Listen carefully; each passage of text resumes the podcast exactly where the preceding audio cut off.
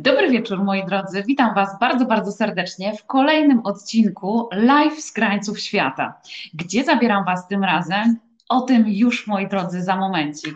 Ja nazywam się Anna Nowotna-Nadziejko i mam przyjemność prowadzić kolejny z cyklu niesamowitych spotkań e, z przyjaciółmi moimi, z którymi łączę się i rozmawiam o magicznych zakątkach e, naszego świata.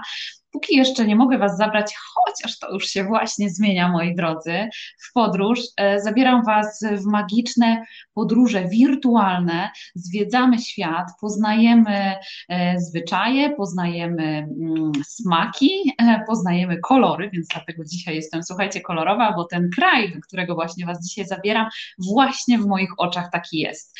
Zanim wyruszymy w podróż, koniecznie dajcie znać, komu udało się do nas dzisiaj dołączyć, kto jest dzisiaj z nami z pewnością będą też e, goście, e, którzy są e, fanami blogu mojego, mojej serdecznej koleżanki Sandry, więc Was bardzo, bardzo serdecznie z tego miejsca pozdrawiamy. Ale moi drodzy, zaczęłam od tego, że tak naprawdę dopóki nie mogę Was zabrać w podróż. No otóż Ci z Was, którzy śledzą nasz profil, profil Skydreams, wiedzą, że jakieś e, całkiem niedawno wróciłam z wyprawy do Zjednoczonych Emiratów Arabskich. Przekonałam się sama, pokazując Wam w kolejnych relacjach e, codziennych, jak wygląda aktualnie podróżowanie. Podróżowanie w dobie pandemii, czy jest bezpieczne, e, jaki jest w tej chwili Dubaj, czy są otwarte atrakcje, jak funkcjonują hotele, restauracje. Na te wszystkie pytania znajdziecie odpowiedzi w moich relacjach. Serdecznie Was zachęcam zachęcam, jeśli jeszcze nie mieliście okazji ich zobaczyć. A ja postanowiłam po kilku prośbach z Waszej strony, że zorganizuję wyjazd, na którym pokażę Wam Dubaj moimi oczami. Przygotowaliśmy dwa projekty: Dubaj inaczej e, i Dubaj rodzinnie. E, ja akurat wybrałam się w podróż z całą rodziną. Słuchajcie, kiedy jak nie teraz będzie okazja do tego, mm, żeby wyjechać całą rodziną w trakcie roku szkolnego. Dzieci mają zdalną naukę. W Dubaju jest plus 3 godziny, więc słuchajcie, da się iść na śniadanie, na basen, skorzystać z jakiejś atrakcji, później do szkoły i jeszcze wieczorem e, skorzystać. My to przetestowaliśmy, zadziałało to fantastycznie, więc słuchajcie, zachęcam Was bardzo, bardzo serdecznie, żebyście rzucili okiem i dali koniecznie znać w komentarzach, co sądzicie. Jesteśmy do Waszej dyspozycji i chętnie odpowiemy na Wasze pytania. A już teraz, już dzisiaj, moi drodzy, zabieram Was w podróż. Dobry wieczór, Aniu, witam, bardzo miło Cię widzieć. Zabieram Was w podróż do Azji Południowo-Wschodniej. Hm. Gdzie konkretnie? Powiedziałam Wam, że już do bardzo kolorowej krainy, e, która jest kolorowa na lądzie, na powierzchni, ale i cudownie pod wodą. No więc nie przedłużając chyba, bo zdążyłam już się z Wami przywitać, trochę Wam powiedzieć o tym, co się u nas dzieje. Gdybyście chcieli dostawać od nas aktualne informacje, to możecie też się z nami skontaktować, możemy Wam wysyłać newsletter, a codziennie tak naprawdę wrzucamy Wam jakieś ciekawostki, czy to podróżnicze, e, czy to dotyczące projektów, które dla Was przygotowaliśmy ponieważ z własnego doświadczenia powiem Wam jedną rzecz. Podróżuje się troszeczkę inaczej. Trzeba się zdecydowanie do tych podróży przygotować, ubezpieczyć i posprawdzać tak naprawdę, jak funkcjonują w danym kraju poszczególne właśnie hotele, urzędy, restauracje i tak naprawdę co Was czeka na miejscu, ale w dobie internetu, słuchajcie, sprawdzenie tych informacji wcale nie jest takie trudne. A powiem Wam jedną rzecz, ludzi jest zdecydowanie mniej, więc podróżowanie i odkrywanie świata właśnie teraz jest takie, jakie z pewnością długo już nie będzie, a razem z moim gościem doszliśmy do wniosku, że ten rok, który e, właśnie za nami, bo właśnie za chwileczkę dobija rok, od kiedy e, dowiedzieliśmy się w Polsce, pamiętam doskonale, to był 12 marca, mieliśmy jedną grupę, która już była gotowa z nartami i praktycznie autokar startował i, i no, musieliśmy zatrzymać ten projekt środowisko naturalne dostało pewnego oddechu i to naprawdę widać. E, więc moi drodzy, zapraszam Was bardzo serdecznie na rozmowę z moim gościem, który w roku 2015 spakował plecak, a właściwie spakowała plecak i wyruszyła w samotną podróż autostopem dookoła świata. Zaprowadziła ją ta podróż między innymi do Tajlandii i właśnie o Tajlandii będziemy sobie dzisiaj rozmawiać. Moim i Państwa gościem, dobry wieczór, jest Sandra Bednarczyk. Sandra, jesteś z nami? Dobry, dobry wieczór, wieczór, witam Cię moja droga. No witam serdecznie. Ja przede wszystkim to gratuluję Ci od... Jest nam bardzo miło. Ja przede wszystkim jestem pod ogromnym wrażeniem Twojej odwagi. E, młoda dziewczyna, która pakuje plecak i postanawia wybrać się w podróż dookoła świata. Skąd ten pomysł, moja droga, w ogóle? Pomysł się wziął tak naprawdę chyba z e, ogromnej e, fascynacji i wielkiego wrażenia, pod jakim byłam podczas swojej pierwszej podróży do Azji, takiej dosyć krótkiej, bo miesięcznej do Nepalu. Ja e, właściwie teraz patrzę na swoje życie e, jak na to, które było przed Nepalem i na to, które się rozpoczęło po Nepalu, bo mam wrażenie, że tam właściwie przeszłam pierwszą bardzo dużą przemianę w swoim życiu i właściwie e, wracając już do Polski z tej wyprawy, wiedziałam, że ja wrócę do Azji. Wiedziałam, że mam parę rzeczy do pozałatwiania w Polsce, parę tematów do pozamykania, między innymi studia na przykład ale wiedziałam, że ja muszę po prostu wrócić do Azji, bo za bardzo ciągnie mnie po prostu ten, ten kontynent, ci ludzie, ta, ta kultura, e, te kolory, te smaki, zapachy. Myślę, że, że większość z Państwa, która była gdziekolwiek w Azji, doskonale rozumie, o czym mówię. A jeżeli mm, e, ktoś z Państwa nie był, to naprawdę serdecznie polecam, żeby, żeby Azję odwiedzić. No i tak po nitce do kłębka stwierdziłam, że skoro jak y, już planuję być w tej Azji i, i zobaczyć i Azję tą trochę bliższą, Azję trochę dalszą e, i, i być mniej więcej w okolicach Australii, no to już może bym Australię zobaczyła. Jeżeli Australię, no to w sumie dlaczego nie e, Nową Zelandię na przykład, a już z Nowej Zelandii zawsze można się przecież wybrać troszkę dalej. No i tak po Nice do Gąbka stwierdziłam, że kurczę, właściwie już jak pozamykam te różne sprawy w Polsce, to nic mnie nie będzie trzymało, więc właściwie czemu nie? Trzeba korzystać, póki, póki jest możliwość i po prostu zwiedzać świat. I chyba w dobrym momencie to wszystko się zaczęło, bo, bo no właśnie dzięki temu zobaczyłaś całkiem spory kawałek świata. A powiedz mi, czy wybierając się w tą podróż, ty miałaś konkretny plan i wiedziałaś, że ty trafisz w końcu do Tajlandii?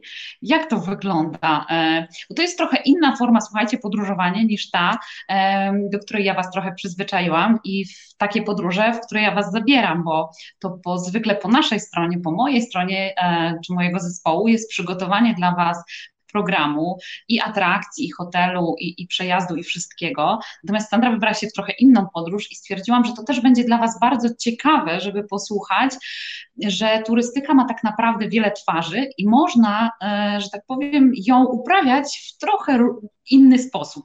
I, i na pewno nawiążemy też do tego. E, ja poznawałam mm, świat do kilku lat wstecz, e, zanim nie zaczęłam, podobnie jak Sandra, oddawać się pasji poznawania tego, co jest pod wodą. Więc na początku zwiedzałam zabytki i różne rzeczy, a w tej chwili, słuchajcie, wracam w te same miejsca, tylko, tylko właśnie oglądam je trochę z innej perspektywy. Więc ja jestem ciekawa, jak to było z tym początkiem Twojej przygody z Tajlandią, która jest krajem absolutnie niesamowitym, o powierzchni ponad półtora razy większym od Polski, 67 milionów e, mieszkańców z mojej perspektywy troszeczkę niesłusznie jest kojarzona z taką jedną z gałęzi turystyki, o której pewnie dzisiaj za dużo nie będziemy mówić, ale wielu osobom właśnie e, w ten sposób się e, kojarzy. Nie wiem, czy nas słuchają dzieci, czy nie, więc e, wolałabym, że tak powiem, taką mgiełkę troszeczkę zostawić nad tym. Natomiast dla mnie to jest niesamowity kraj, tak różnorodny. No i no dobra, ale właśnie jak to z Tobą i z tą Tajlandią się zaczęło? To znaczy, bo zapytałaś mnie wcześniej, czy ja miałam jakiś plan na, na tę podróż, to, to może najpierw w trzech słowach dosłownie o pomyśle na podróż, a później jak to było z tą Tajlandią. E, ja wyjeżdżając z Polski wiedziałam, że e, dawno już za nami są e, czasy takiego romantycznego podróżowania, to znaczy gdzie mnie po prostu oczy poprowadzą, tam jadę i wjeżdżam bez żadnego problemu, to znaczy myślę tutaj o wizach. Więc wiedziałam, że muszę się od tej strony przygotować, no i wiedziałam też, że chciałabym ruszyć taką trasą, która będzie w miarę dla mnie bezpieczna. Y, oczywiście możemy się zastanawiać, czy podróżowanie przez Białoruś, Rosję, Mongolię jest bezpieczne, no ale myślę, że z 15 strony jest dużo bezpieczniejsze niż podróżowanie na przykład przez jakiś, nie wiem, Irak, czy, czy yy, Afganistan, czy Pakistan, czy, czy gdzieś tamte rejony. Więc y, ja tuż przed wyjazdem z Polski przygotowałam sobie po prostu pół paszportu wszelkich możliwych wiz do wszystkich y, krajów po kolei, żeby po prostu na wypadek, gdyby się okazało, że w danym kraju będę, to żebym po prostu była na to przygotowana. Więc miałam przygotowaną wizę do Białorusi właśnie, do Rosji, do Mongolii, do Chin, do Indii nawet, której nie zdążyłam wykorzystać, bo, bo ta wiza miała bodajże e, półroczny czas na, na wykorzystanie. E, ale no i coś do tych Indii. Trafiłam, ale później, po, po mniej więcej roku, więc musiałam się starać w sumie o inną wizę, bo, bo trafiłam z powodów e, bardziej zawodowych niż turystycznych, więc musiałam się postarać o wizę biznesową czy, czy pracowniczą, ale faktycznie trafiłam do Indii. E, ale wracając do, do tematu, mm, wyjechałam w środku zimy, 15 e, stycznia dokładnie, tak się fajnie ułożyło, że w swoje urodziny, e, więc taki dosyć, myślę, fajny moment na, na rozpoczęcie tego typu podróży. No i dotarłam faktycznie przejeżdżając przez Rosję, w której właściwie jezioro Bajkał było takim moim największym marzeniem, żeby faktycznie nie tylko się tam zatrzymać, ale też e, wiedziałam, że w momencie, kiedy dotrę do jeziora Bałkał, to będzie moment, kiedy ja kiedy do mnie dotrze to, że ja faktycznie jestem w takiej podróży. Bo ja cały czas ja jechałam, ale cały czas nie wierzyłam, że to się dzieje. W momencie, kiedy zobaczyłam jezioro, stwierdziłam, nie no kurczę, co się naprawdę dzieje. E, przejechałam faktycznie przez Mongolię, przez Chiny. W Chinach spędziłam mniej więcej trzy tygodnie. E, dotarłam do Laosu, w Laosie spędziłam miesiąc, e, podróżowałam zwłaszcza po północnej części kraju i, po centralnej. No i jak się kończyła wiza e, laotańska, stwierdziłam, że, że czas ruszać dalej. No i faktycznie miałam wtedy jeszcze wizę taką trzymiesięczną do Tajlandii, więc postanowiłam, że, że to będzie mój kolejny kierunek. Plan wstępny bardzo zakładał, że zatrzymam się w Bangkoku i w Bangkoku spędzę mniej więcej kilka miesięcy. Nie zakładałam jakichś tam ram czasowych, ale myślałam, że to będzie mniej więcej pół roku.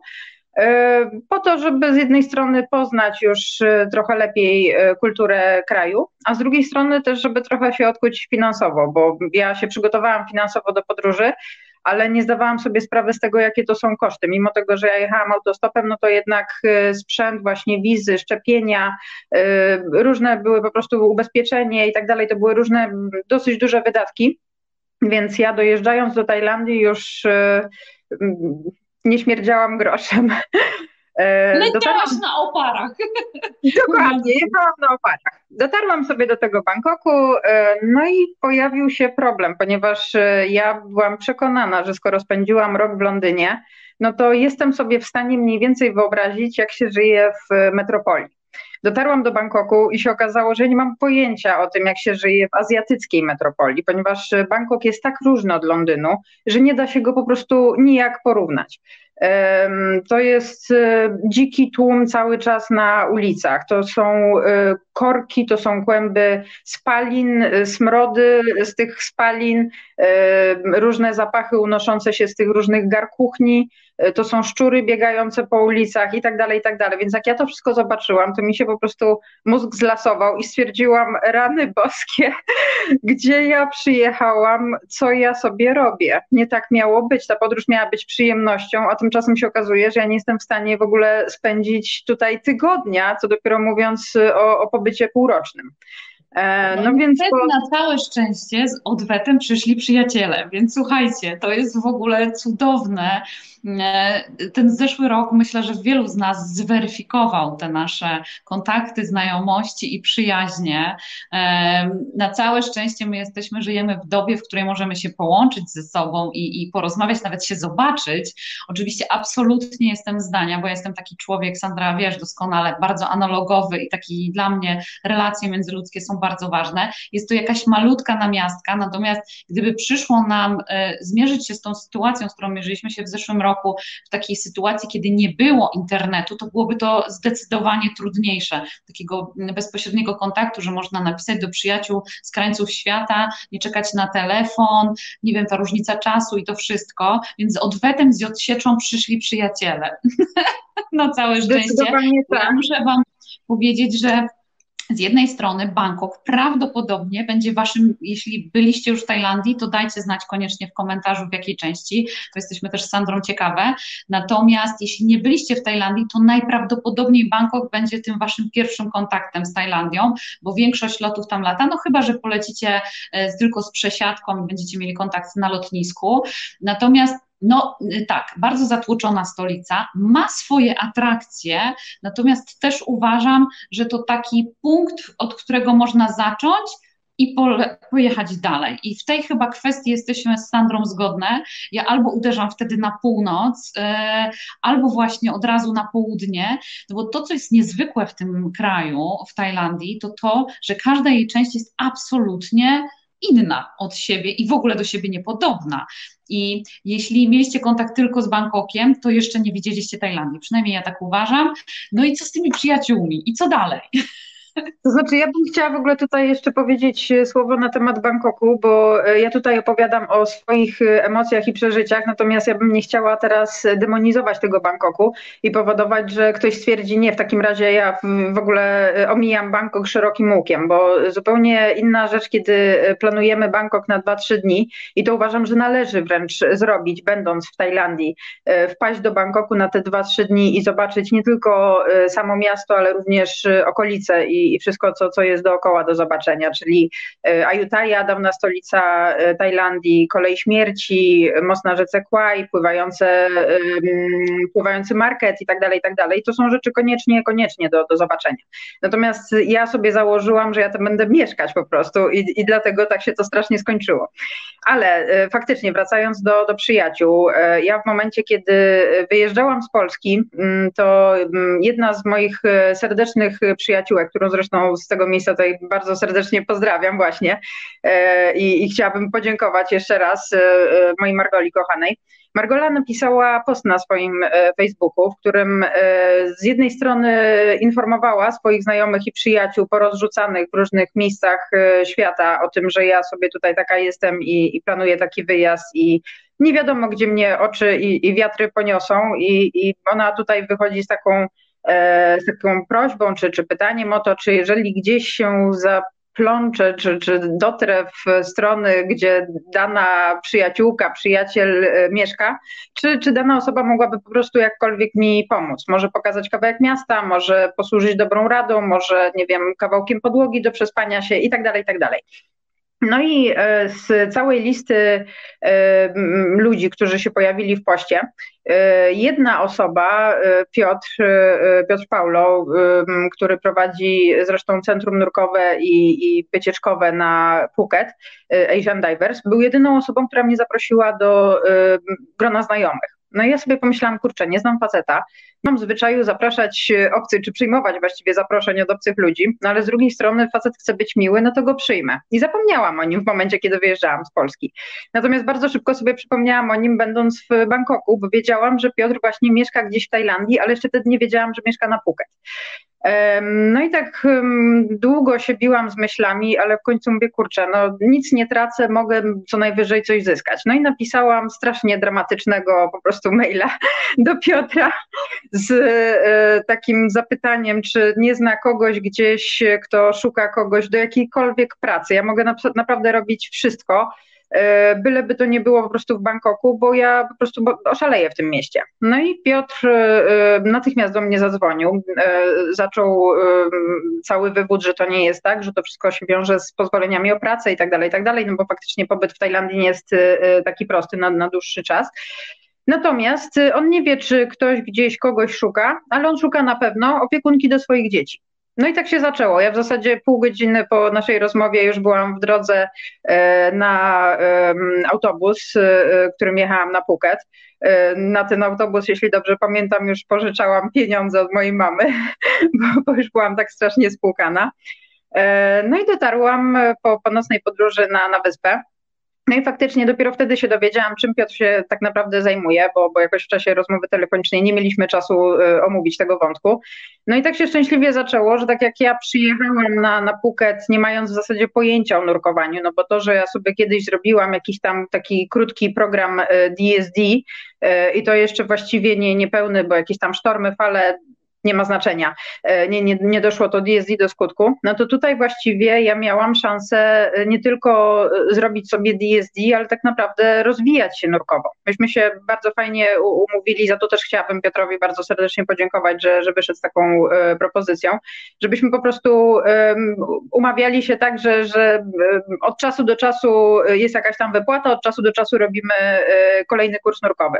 No i właściwie dzięki temu ja w przeciągu pięciu miesięcy bodajże e, doszłam do Dive Mastera, mm, czyli do, do tego poziomu, który już umożliwia pracę w nurkowaniu. Czekaj, bo z tego miejsca ja jestem ciekawa, czy moje kochane nurki są dzisiaj z nami, bo my zapraszaliśmy nasze centrum nurkowe ponieważ słuchajcie, poza organizacją wyjazdów incentywowych dla firm, czy też indywidualnych z ambasadorami, do których Was zapraszam od zeszłego roku, e, to od wielu, wielu lat mam przyjemność ogromną organizować też wyjazdy e, narciarskie i stąd po, pozdrawiam e, kolegę Mateusza ze Szwajcarii, mam nadzieję, że nas ogląda, ale i także wyjazdy właśnie nurkowe. Ja sama jestem nurkiem, uwielbiam po prostu ten sport, zresztą rozmawiałyśmy z Sandrą. Ja mam swoje powody, każdy z nas ma swoje, natomiast to jest absolutnie coś niesamowitego e, mieć możliwość właśnie tego kontaktu z naturą. E, ja to się śmieję, słuchajcie, tak, nie dzwoni telefon, nikt do mnie nic nie mówi, jestem tylko ja i moje rybki dookoła, moja cudowna rafa koralowa, którą kocham, uwielbiam e, i w ogóle właśnie bardzo serdecznie wszystkich pozdrawiam. Słuchajcie, E, nie wiem, bo to jest kolejne pytanie, które chcę zadać Sandrze. Kiedy my do tej Tajlandii będziemy mogli polecieć, czy to ponurkować, czy zobaczyć ją, bo Sandra, słuchajcie, poza prowadzeniem grup nurkowych oprowadza też po, po kraju, po, po Tajlandii. Za chwilę sobie opowiemy o atrakcjach w ogóle Tajlandii, bo my tak naprawdę nie chcę zadać jej tego trudnego pytania, bo ani ona, ani ja nie znamy odpowiedzi na to pytanie, bo nie wiemy, kiedy będzie można e, pojechać do Tajlandii, nie wiemy, kiedy Azja się otworzy. Ona wyjątkowo na tle całego świata naprawdę bardzo hermetycznie i mocno się aktualnie zamknęła, więc wszyscy bardzo mocno tęsknimy. A dla tych, którzy tęsknią za kuchnią, mam taką niespodziankę, o której też zaraz opowiemy, którą popełniła e, Sandra, słuchajcie, więc mamy dużo dla Was dzisiaj niespodzianek. E, więc na pewno w maju organizujemy wyjazd, słuchajcie, do Egiptu. E, rozmawiałyśmy też o tym z Sandrą, że z pewnością to środowisko naturalne złapało takiego oddechu, bo ta turystyka masowa absolutnie e, się wyciszyła. Dalej da się pojechać, słuchajcie, ludzie podróżują po świecie, jestem tego świetnym przykładem, ja, moi przyjaciele, natomiast tych ludzi jest zdecydowanie mniej. Więc w związku z tym też ta przyjemność poznawania świata jest absolutnie inna. No i w związku z tym też e, troszeczkę bliżej ta natura zbliża się do nas, e, bo, bo jej na to troszeczkę pozwoliliśmy. To w kontekście łódek, które pływają. Ci, którzy mieli cokolwiek wspólnego z nurkowaniem, doskonale wiedzą, o czym e, za chwilę będziemy chcieli Wam powiedzieć.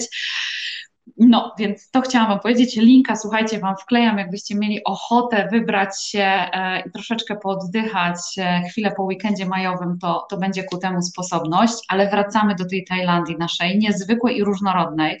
Sandra, pozwól, że pokażemy kilka obrazków i w tym momencie troszeczkę opowiemy o tej różnorodności. Dobrze? Co ty na to? Mhm, pewnie, pewnie. Tak. Y, Mów, mów, kochana, a my się będziemy, że tak powiem, e, przełączać i za momencik Jasne.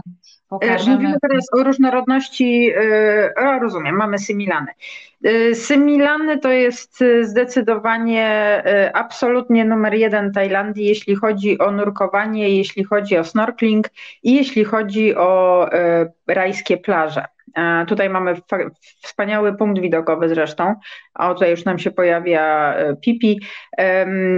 Tak, po kolei. Jeśli chodzi o Symilany, nurkowo absolutnie e, numer jeden. Natomiast trzeba pamiętać o tym, że Symilany są e, zamknięte w porze deszczowej, w porze monsunowej. To znaczy Symilany... A Sandruś, powiedz jeszcze jedną rzecz, zanim zaczniemy sobie o tych atrakcjach. Kiedy najlepiej w ogóle zaplanować wyjazd do Tajlandii? Jaki jest najlepszy czas? Ty miałaś okazję, tak tylko wprowadzę, bo my jeszcze oczywiście do tego mhm. wrócimy, ponieważ ty miałaś okazję prawie przez 4 lata mieszkać w Tajlandii, mhm. więc e, zdążyłaś, że tak powiem, poznać różne pory. Kiedy najlepiej Twoim zdaniem polecieć do, do Tajlandii? Wiesz co, gdybyś mi zadała to pytanie e, kilka lat temu, mm, to ja bym ci pewnie odpowiedziała zgodnie z pra, pewną prawdą, która się gdzieś tam e, e, wydawało, że, że utrzymuje przez cały czas. To znaczy, e, to też oczywiście zależy, bo powiedziałaś o tym, że Tajlandia jest dużym krajem i to też ma znaczenie. Jeśli chodzi o region Phuketu, to przez wiele lat było tak, że dobrym okresem na, na Phuket i okolice Phuketu był czas między powiedzmy przełomem października i listopada, a przełomem marca i kwietnia. I wtedy ta pogoda była taka najbardziej e, łaskawa, w sensie takim, że e, nie było jakoś strasznie gorąco. E, przez większość czasu było wspaniałe, błękitne niebo. Była fantastyczna widoczność pod wodą, jeśli chodzi o, o warunki nurkowe. W zasadzie w ogóle nie padało, jeżeli padało, to, to nocami. E, ale dlaczego mówię o tym, że e, gdybyś mi zadała to pytanie kilka lat temu, to ja bym ci właśnie odpowiedziała tak. Dlatego, że e, rok 2018-2019 pokazał wyraźnie i, i zresztą 20 również, że to, o czym tak dużo mówimy, a co wielu ludzi wciąż uważa gdzieś tam za czcza gadanie, to znaczy to, że, że mamy powoli katastrofę klimatyczną i, i zaczyna się zmieniać klimat na całym świecie, to się naprawdę dzieje. I e, zwłaszcza 2019 rok był dla mnie bardzo dużym zaskoczeniem, ponieważ ja spędziłam e, sama cały niski sezon w Tajlandii. E, I tak jak w poprzednich niskich sezonach ja właściwie nie miałam w ogóle pracy albo miałam jej bardzo mało, tak e, w 2019 roku cały niski sezon przepracowałam w pocie czoła takim, że ja nie wiedziałam po prostu jak się nazywam po niskim sezonie. Z jednej strony to jest od kwietnia do października, tak? O niski sezon to jest tak, od właściwie kwiecień, maj, tak, do, do października. E, no i z jednej strony oczywiście można powiedzieć, że, że fantastycznie, tak, że, że ludzie przyjeżdżali, że, że była pogoda, no ale z drugiej strony y, trzeba wziąć pod uwagę to, że w tym okresie, kiedy e, ja pamiętam jeszcze swój pierwszy pobyt właśnie w 2015 roku w Tajlandii, pora deszczowa była tak strasznie intensywna, że po kilku minutach dosłownie takiej monsunowej zlewy ulice były zatopione. I ja pamiętam, jak pierwszy raz wjechałam w taką e, podtopioną ulicę samochodem, to ja byłam przerażona, że mi zaraz po prostu zaleje samochód i ja nie będę w stanie wyjechać z tej ulicy, z tego skrzyżowania. Natomiast 2019 rok to był pierwszy chyba taki moment, kiedy ja zobaczyłam, że w tej porze, kiedy właśnie takie zlewy powinny być na porządku dziennym, że właściwie przez długie miesiące myśmy nie doświadczyli kropli deszczu. I to już były naprawdę bardzo poważne e, sytuacje, bo, bo to tak naprawdę e, odzwierciedlało się i w kondycji roślinności tajskiej, która się przecież e, utarło, że, że jest bardzo bujna i, i taka naprawdę intensywnie zielona, a tymczasem to wszystko po prostu żółkło w oczach. I widać to było wyraźnie po jeziorze Racza Prapa w Parku Narodowym Kaosok, gdzie poziom wody spadł o dobrych kilka metrów. E, więc e, tak naprawdę w tym momencie odpowiedzieć mi na pytanie, kiedy najlepiej jest przyjechać do Tajlandii, jest strasznie trudno, bo my dokładnie tego samego doświadczamy w Polsce, tak? Patrząc nawet na, na nasze zimy czy lata, czy nawet na fakt taki, że jeszcze kiedyś mieliśmy naprawdę bardzo wyraźne cztery pory roku, a teraz zazwyczaj mamy dwie no to powoduje, że właściwie no, zaczyna się to wszystko bardzo mocno zmieniać. Y, z korzyścią można powiedzieć dla turystów, no bo to znaczy, że, że skoro mniej pada, no to znaczy, że jednocześnie można y, przez większą część roku przyjeżdżać, tak? Natomiast y, no, trzeba się po prostu liczyć z tym, że pewne atrakcje mogą być utrudnione, jak na przykład e, spływ kajakiem gdzieś po, po rzece może się okazać, że rzeka, która powinna e, o, o, powiedzmy w okolicach maja, czerwca powinna mieć wody przynajmniej po pas, ma na przykład do kolan albo, albo jeszcze mniej, w związku z czym spływ kajakiem jest niemożliwy, prawda? Więc, więc takie rzeczy należy po prostu gdzieś tam brać pod uwagę i, i sobie po prostu sprawdzać najlepiej. Natomiast jeśli chodzi o, o regiony, które warto zwiedzić, e, zaczęłam o Symilanach, e, które są myślę, takim fenomenem na e, skalę Tajlandii, ponieważ e, my Tajlandię zazwyczaj kojarzymy e, ze skałami wapiennymi, które wyrastają z morza, z tymi ostańcami słynnymi, z tą bujną roślinnością pokrywającą te, te skały. Natomiast Symilany, czyli te, te, te takie głazy, które granitowe, które mieliśmy na, na samym początku prezentacji, to jest coś zupełnie innego. To powstało w wyniku wybuchów wulkanów wiele, wiele lat temu, natomiast pozostawiło po sobie tak niezwykły krajobraz, że właściwie wielu ludzi patrząc na krajobraz Symilanów myli w zasadzie Symilany z Seszelami na przykład, bo, bo wyglądają budząco To jest podobnie. pierwsze skojarzenie, które przychodzi do głowy, jak się patrzy na te widoki. Pamiętam nasz pierwsze safari nurkowe, jak Łódź już zdążyła wypłynąć z portu i nagle się zaczęły te skały granitowe pojawiać, to było takie, ale my jesteśmy w Tajlandii, czy może to jednak Seszele, więc bardzo taki podobny klimat, ale to też pokazuje, że ta Tajlandia jest taka właśnie bardzo różnorodna, bo przed chwilą też te skały ostańcowe, o których wspomniałaś, e, bo one się tak najbardziej nam kojarzą, mm -hmm. właśnie południe Tajlandii w ten sposób, natomiast właśnie Similany zupełnie inne. No i też powiedz mi, czy z Twojej perspektywy wyspy na południu Tajlandii, one są takie same, czy one też się między sobą różnią? Oj, one się zdecydowanie różnią. E, to znaczy mówimy o południu, południu, czy możemy też wziąć pod uwagę wyspy na przykład Zatoki Tajlandzkiej? bo to też Możemy. ma znaczenie. Możemy wziąć. No to Phuket y, jest dosyć specyficzny i przez to, że jest to dosyć duża wyspa, to ona ma też swój odrębny mikroklimat, więc ja bym chciała tutaj też podkreślić, że um, pogoda bywa zazwyczaj dużo łaskawsza na Phuket niż w całej reszcie kraju. Zasada jest generalnie taka, że im dalej na północ, tym y, bardziej ta pora monsunowa jest y, odczuwalna. E, jeśli chodzi o e, z kolei wygląd e, wysp poszczególnych, no to tutaj mamy właśnie okolice wysp Pipi. Wyspy Pipi są takie najbardziej po prostu popularne i najbardziej charakterystyczne właśnie ze względu na, na te fantastyczne skały. Tutaj mamy skałę Bonda. O, przy okazji, jeśli chodzi o skałę Bonda, chciałabym zadać pytanie konkursowe. Czy to jest dobry moment, czy lepiej później? Nie, no oczywiście, że tak. To my już wrócimy, że tak powiem, do normalnych rozmiarów i Sandra zada pytanie, a Was, kochani, zachęcamy bardzo, bardzo serdecznie do tego, żebyście udzielali odpowiedzi. Ja mam przygotowaną dla Was tutaj na kordę, słuchajcie, taką mapę zbiórkę, e, słuchajcie, całego świata, więc jeśli jeszcze takiej nie macie, to zachęcam Was bardzo serdecznie do tego, żebyście odpowiedzieli na pytanie konkursowe, które przygotowała dla Was dzisiaj Sandra. A pytanie konkursowe brzmi. E, moi drodzy, widzieliśmy właśnie e, skałę Bonda przed chwilką, czyli e, skałę, przy której były kręcone większość scen do, do filmu Człowiek ze złotym pistoletem. No i pytanie konkursowe brzmi, jak brzmi tajska nazwa, prawdziwa, taka oryginalna nazwa skały Bonda, czyli tej, tego stańca, który był przed chwilką na zdjęciu. No i czekamy na odpowiedzi. A wracając, mogę jeszcze powiedzieć kilka słów o, o innych miejscach? Tak, tak, tak, tak. tak. Tajlandii? No. E, a wracając do, do, do kwestii właśnie miejsc, to oprócz tego, że, że Pipi i że cała Zatoka Pangna to są właśnie takie niezwykłe e, skały i, i formacje skalne i jaskinie, do których można wpłynąć, do których można czasami wejść, czasami zanurkować w tych jaskiniach, co też warto podkreślić, bo, bo na przykład na Symilanach nie ma aż takich możliwości, tam są przepływy fantastyczne i takie w zasadzie można powiedzieć labirynty, natomiast y, na Pipi jest ta możliwość, że można wpływać do, do jaskiń podwodnych i to też jest myślę duża atrakcja y, nurkowa.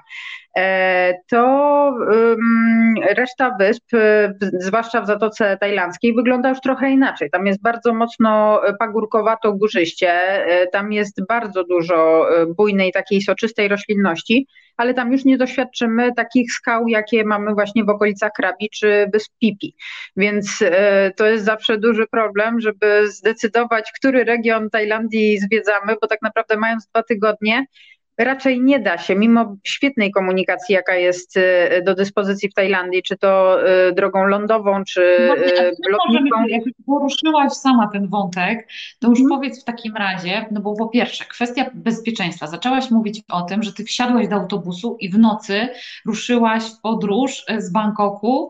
Hmm. E, e, Boże, weź mi przypomnij, na Phuket. Na Phuket. Wyruszyłaś tak w Bangkoku na Phuket. Jak wygląda kwestia bezpieczeństwa? Czy Tajlandia jest w ogóle bezpieczna i w jaki sposób po Tajlandii możemy się poruszać? E, no bo jednak Bangkok jest takim centralnym powiedzmy punktem, natomiast z Bangkoku powiedzmy na Phuket to jest kawałek drogi, więc y, jak wygląda komunikacja i kwestia bezpieczeństwa w Tajlandii? No miałaś okazję przez te parę lat e, doświadczyć pewnie różnych sytuacji i być w różnych miejscach, więc y, powiedz jak to wygląda tak od strony nieturystycznej takiej, wiesz... Tajlandia jest krajem mega bezpiecznym, ultra bezpiecznym. Jest po prostu miejscem tak bezpiecznym, jak ja się nie czułam bezpieczna nigdzie indziej, mimo tego, że zdarzyło mi się w paru różnych miejscach na świecie mieszkać. Niezależnie od pory dnia, niezależnie od lokalizacji, lokalizacji miasta czy miasteczka, czy to duża ulica, po, po której e, gdzieś tam chodzą tłumy, czy jakieś załuki, ja zawsze czułam się naprawdę bardzo bezpiecznie. Co więcej, co, co chciałabym podkreślić, Tajowie są bardzo tacy wręcz opiekuńczy, bym po, po powiedziała. Nie tylko pomocni, ale y, opiekuńczy. W takim sensie, że jeżeli tylko widzą, że ktoś gdzieś jest zdezorientowany i się po prostu rozgląda, czegoś ewidentnie szuka, ale sam nie wie czego, to zaraz będą podchodzić, pytać, czy, czy wszystko w porządku, czy, czy z czymś nie pomóc. Ja doświadczyłam e, dwa razy sytuacji e, wypadku na skuterze E, I to było niesamowite, bo zaraz był przy mnie cały wianuszek po prostu tajów i to nie po to, żeby popatrzeć, po, postać nade mną i się zastanowić, czy jestem, nie wiem, pijana, czy naćpana, czy, czy nie wiem, straciłam przytomność, czy, czy zrobić mi zdjęcie, czy nie wiem, coś tam jeszcze innego, tylko naprawdę to była serdeczna, szczera, e, oddana pomoc. Zaraz się znalazł ktoś, kto zadzwonił po, po jakąś e, karetkę pogotowia, po, po lekarza, znalazł się zaraz ktoś, kto przybiegł do mnie z butelką wody, bo przecież jak człowiek e, złamie rękę, to pierwsze co, to, to marzy o łyku wody. E, zaraz ktoś się znalazł, kto pozbierał moje rzeczy z ulicy, ktoś inny dyrygował ruchem, kierował gdzieś tam, żeby kolejne pojazdy po mnie nie jeździły, więc naprawdę pod tym względem ja byłam pod ogromnym wrażeniem, bo powiem szczerze, że ja e, mieszkając w Polsce miewałam takie momenty takiej smutnej refleksji wręcz, że, że tak sobie myślałam, kurczę, jeżeli kiedyś mi się zdarzy z jakiegoś powrotu, y, powodu, przepraszam, y, gdzieś się przewrócić na ulicy, to nie mam pewności, czy ktokolwiek się znajdzie, kto mi pomoże. Ale wiesz, bo... to muszę to skontrować. To ja to muszę skontrować, słuchajcie, bo e, opowie, podzielę się z wami taką prywatną e, historią i refleksją, która zdarzyła się dwa tygodnie temu. Niestety wracając wieczorem mieliśmy kolizję ze zwierzęciem na drodze. Mm, sytuacja dość poważnie wyglądająca. Strzeliły poduszki, jechaliśmy całą rodziną, zimno, bo to wtedy strasznie zimno były, to, to były te momenty, kiedy tam było minus 15, w ogóle na dworze ciemno i tak dalej. E, I też miałam takie przeświadczenie, że jak staniemy na tej drodze i tak dalej, nie mogliśmy ruszyć samochodu, bo, bo, bo był mocno uszkodzony przerażeni oczywiście, bo po raz pierwszy się zdarzyła ta sytuacja, jak wybuchły poduszki, zapach, który się pojawił w samochodzie, też taki, e, który, którego nie znaliśmy, więc nie wiedzieliśmy, czy tam wybuchnie silnik za chwilę albo cokolwiek. E, więc słuchajcie, byłam w szoku, bo zatrzymało się chyba z 7 czy z 8 samochodów i wszyscy przychodzili w kurtce, bez kurtki, a było strasznie zimno naprawdę, z zapytaniem, czy jakoś tam nam pomóc, zabrać nas, gdzieś zadzwonić, więc wtedy wróciła mi wiara e, w ludzi, słuchaj, i w to, że w Polsce też są w stanie, bo ja Yeah. Też miałam okazję, słuchaj, y, być świadkiem różnych sytuacji w miejscach na świecie i faktycznie szczególnie Tajlandia jest też jednym z takich miejsc, gdzie, gdzie oni są tacy bardzo pomocni i, i tacy zaraz obok ciebie, e, szczerze, no, i, i tak jakoś wiesz, z tą myślą, jak to się w ogóle wydarzyło, nie mogłam uwierzyć, że ci ludzie naprawdę się zatrzymywali po to, żeby zrobić zdjęcie właśnie, czy tam e, cokolwiek zwolnić i tam, wiesz, popatrzeć sobie, co się wydarzyło, tylko faktycznie byli chętni, nawet jeden pan nam pomagał szukać trójkąta, bo w, tej, w tych całych nerwach i stresie i tak dalej, w samochodzie, gdzie go znaleźć i w ogóle więc e, wróciła mi niedawno wiara w nas e, jako społeczeństwo, co w tych czasach jest absolutnie teraz bardzo ważne, żebyśmy właśnie byli razem i żebyśmy sobie pomagali. Także tym wszystkim, którzy się zatrzymali, bardzo, bardzo serdecznie dziękuję. E, no było to ważne takie, żeby, żeby poczuć takie wsparcie i faktycznie pomoc taka, taka od razu i taka bezinteresowna, więc w Polsce też się Sandruś zdarza, no całe szczęście no się o tym ostatnio przekonałam, ale ale wiem, o czym mówisz, tak, to jest no w ogóle niesamowite. No dobra, czyli na tym skuterze i że oni pomocni, więc y, że jest bezpiecznie. A teraz bezpiecznie czym się po tej Tajlandii czym się po tej Tajlandii można przemieszczać? Bo ty wspomniałaś o autobusie, pojawia się skuter. Wszystkim tak naprawdę można się przemieszczać. E, wiele zależy od tego, ile mamy czasu, ile mamy pieniędzy na to, żeby się e, przemieszczać, bo możemy się przemieszczać błyskawicznie samolotami i e, mhm. siatka komunikacji właśnie transportu lotniczego jest fantastyczna w Tajlandii, zwłaszcza na, na takich osiach Bangkok, Phuket, Bangkok, inne wyspy, Bangkok, Krabi, Bangkok, północ Tajlandii, Chiang Mai na przykład i tak dalej, i tak dalej, ale też i z Phuketu na przykład na, na czy do Krabi, czy do Chiang Mai, czy, czy gdziekolwiek indziej też można polecieć, więc to jest nie, nie tylko tak to działa, że, że tylko z, z Bangkoku można y, przelatywać. Można się przemieszczać autobusami, tak jak wspomniałam. Jest y, fantastycznie rozbudowana sieć minivanów, czyli takich malutkich busików 10-12 osobowych, które również jeżdżą y, po prostu we wszystkie możliwe strony mm, kraju. I nawet jeżeli będąc na przystanku autobusowym dowiemy się, że nasz autobus właśnie ucieka, kolejny mamy za kilka godzin, to może się okazać, że bardzo szybko zaczepi nas jakiś miły taj, mówiąc, o ja tutaj mam takiego busika i my za chwilę startujemy dokładnie w tym kierunku, w którym którym e, chciałabyś jechać, a co więcej mogę cię podwieźć pod twój hotel. Powiedz, gdzie, gdzie masz e, e, zakwaterowanie, to ja cię na ten adres zawiozę. Także różnice cenowe są właściwie żadne albo niewielkie między takim minibusikiem a, a regularnym autokarem, a na pewno jest bardziej komfortowo, no bo taka podróż jest wiadomo szybsza i, i w, z, jakby z mniejszą ilością współtowarzyszy. Natomiast y, y, można się przemieszczać również pociągiem. Jak, jak jak my się, zaraz wrócimy do pociągu, ale jak my się w takim razie dogadamy? Bo ty tak powiedziałaś, a w tym podróżowaniu to, co nas stresuje, znaczy no, nas, mówiąc ogólnie o nas, turystach, podróżnikach i w ogóle, no to jest ten język i to, nad czym się zastanawiamy. Bo ty tak powiedziałaś, że nie podchodzą, proponują, jeszcze pytanie, gdzie, pytają, gdzie mieszkamy i w ogóle w jakim języku najlepiej się w Tajlandii dogadać i jakie właśnie ty masz doświadczenia? Czy ty mówisz po tajsku, z nimi e, po tajsku, czy, czy w jaki sposób? Czy my się powinniśmy obawiać tego języka? Czy to będzie bariera dla nas, jak pojedziemy Ja mówię dosłownie parę słów na krzyż. W ostatnim czasie się trochę więcej nauczyłam po, po tajsku, natomiast początki oczywiście były takie, że byłam w stanie ledwo powiedzieć dzień dobry po tajsku, bo, bo trzeba wiedzieć, że język tajski jest bardzo takim melodyjnym, śpiewnym językiem. E, bardzo dużo duży nacisk e, e, kładziony jest na akcenty. Wystarczy z nie takim akcentem powiedzieć dane słowo i ono już ma kompletnie inne znaczenie. E, więc ja dla bezpieczeństwa używałam języka angielskiego, ale w Tajlandii bardzo przydatny jest również język, czy właściwie mowa ciała.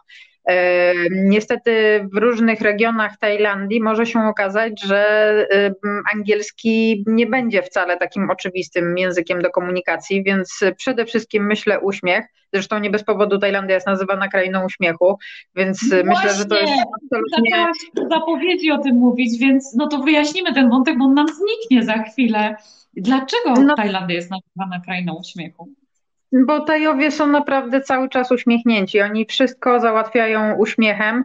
E, można się oczywiście zastanawiać, na ile ten uśmiech jest e, szczery, natomiast e, ja, tak jak obserwowałam Tajów w najróżniejszych sytuacjach, to naprawdę widziałam to, że przez to, że oni są zawsze uśmiechnięci, to też w zupełnie inny sposób reagują na sytuacje stresowe.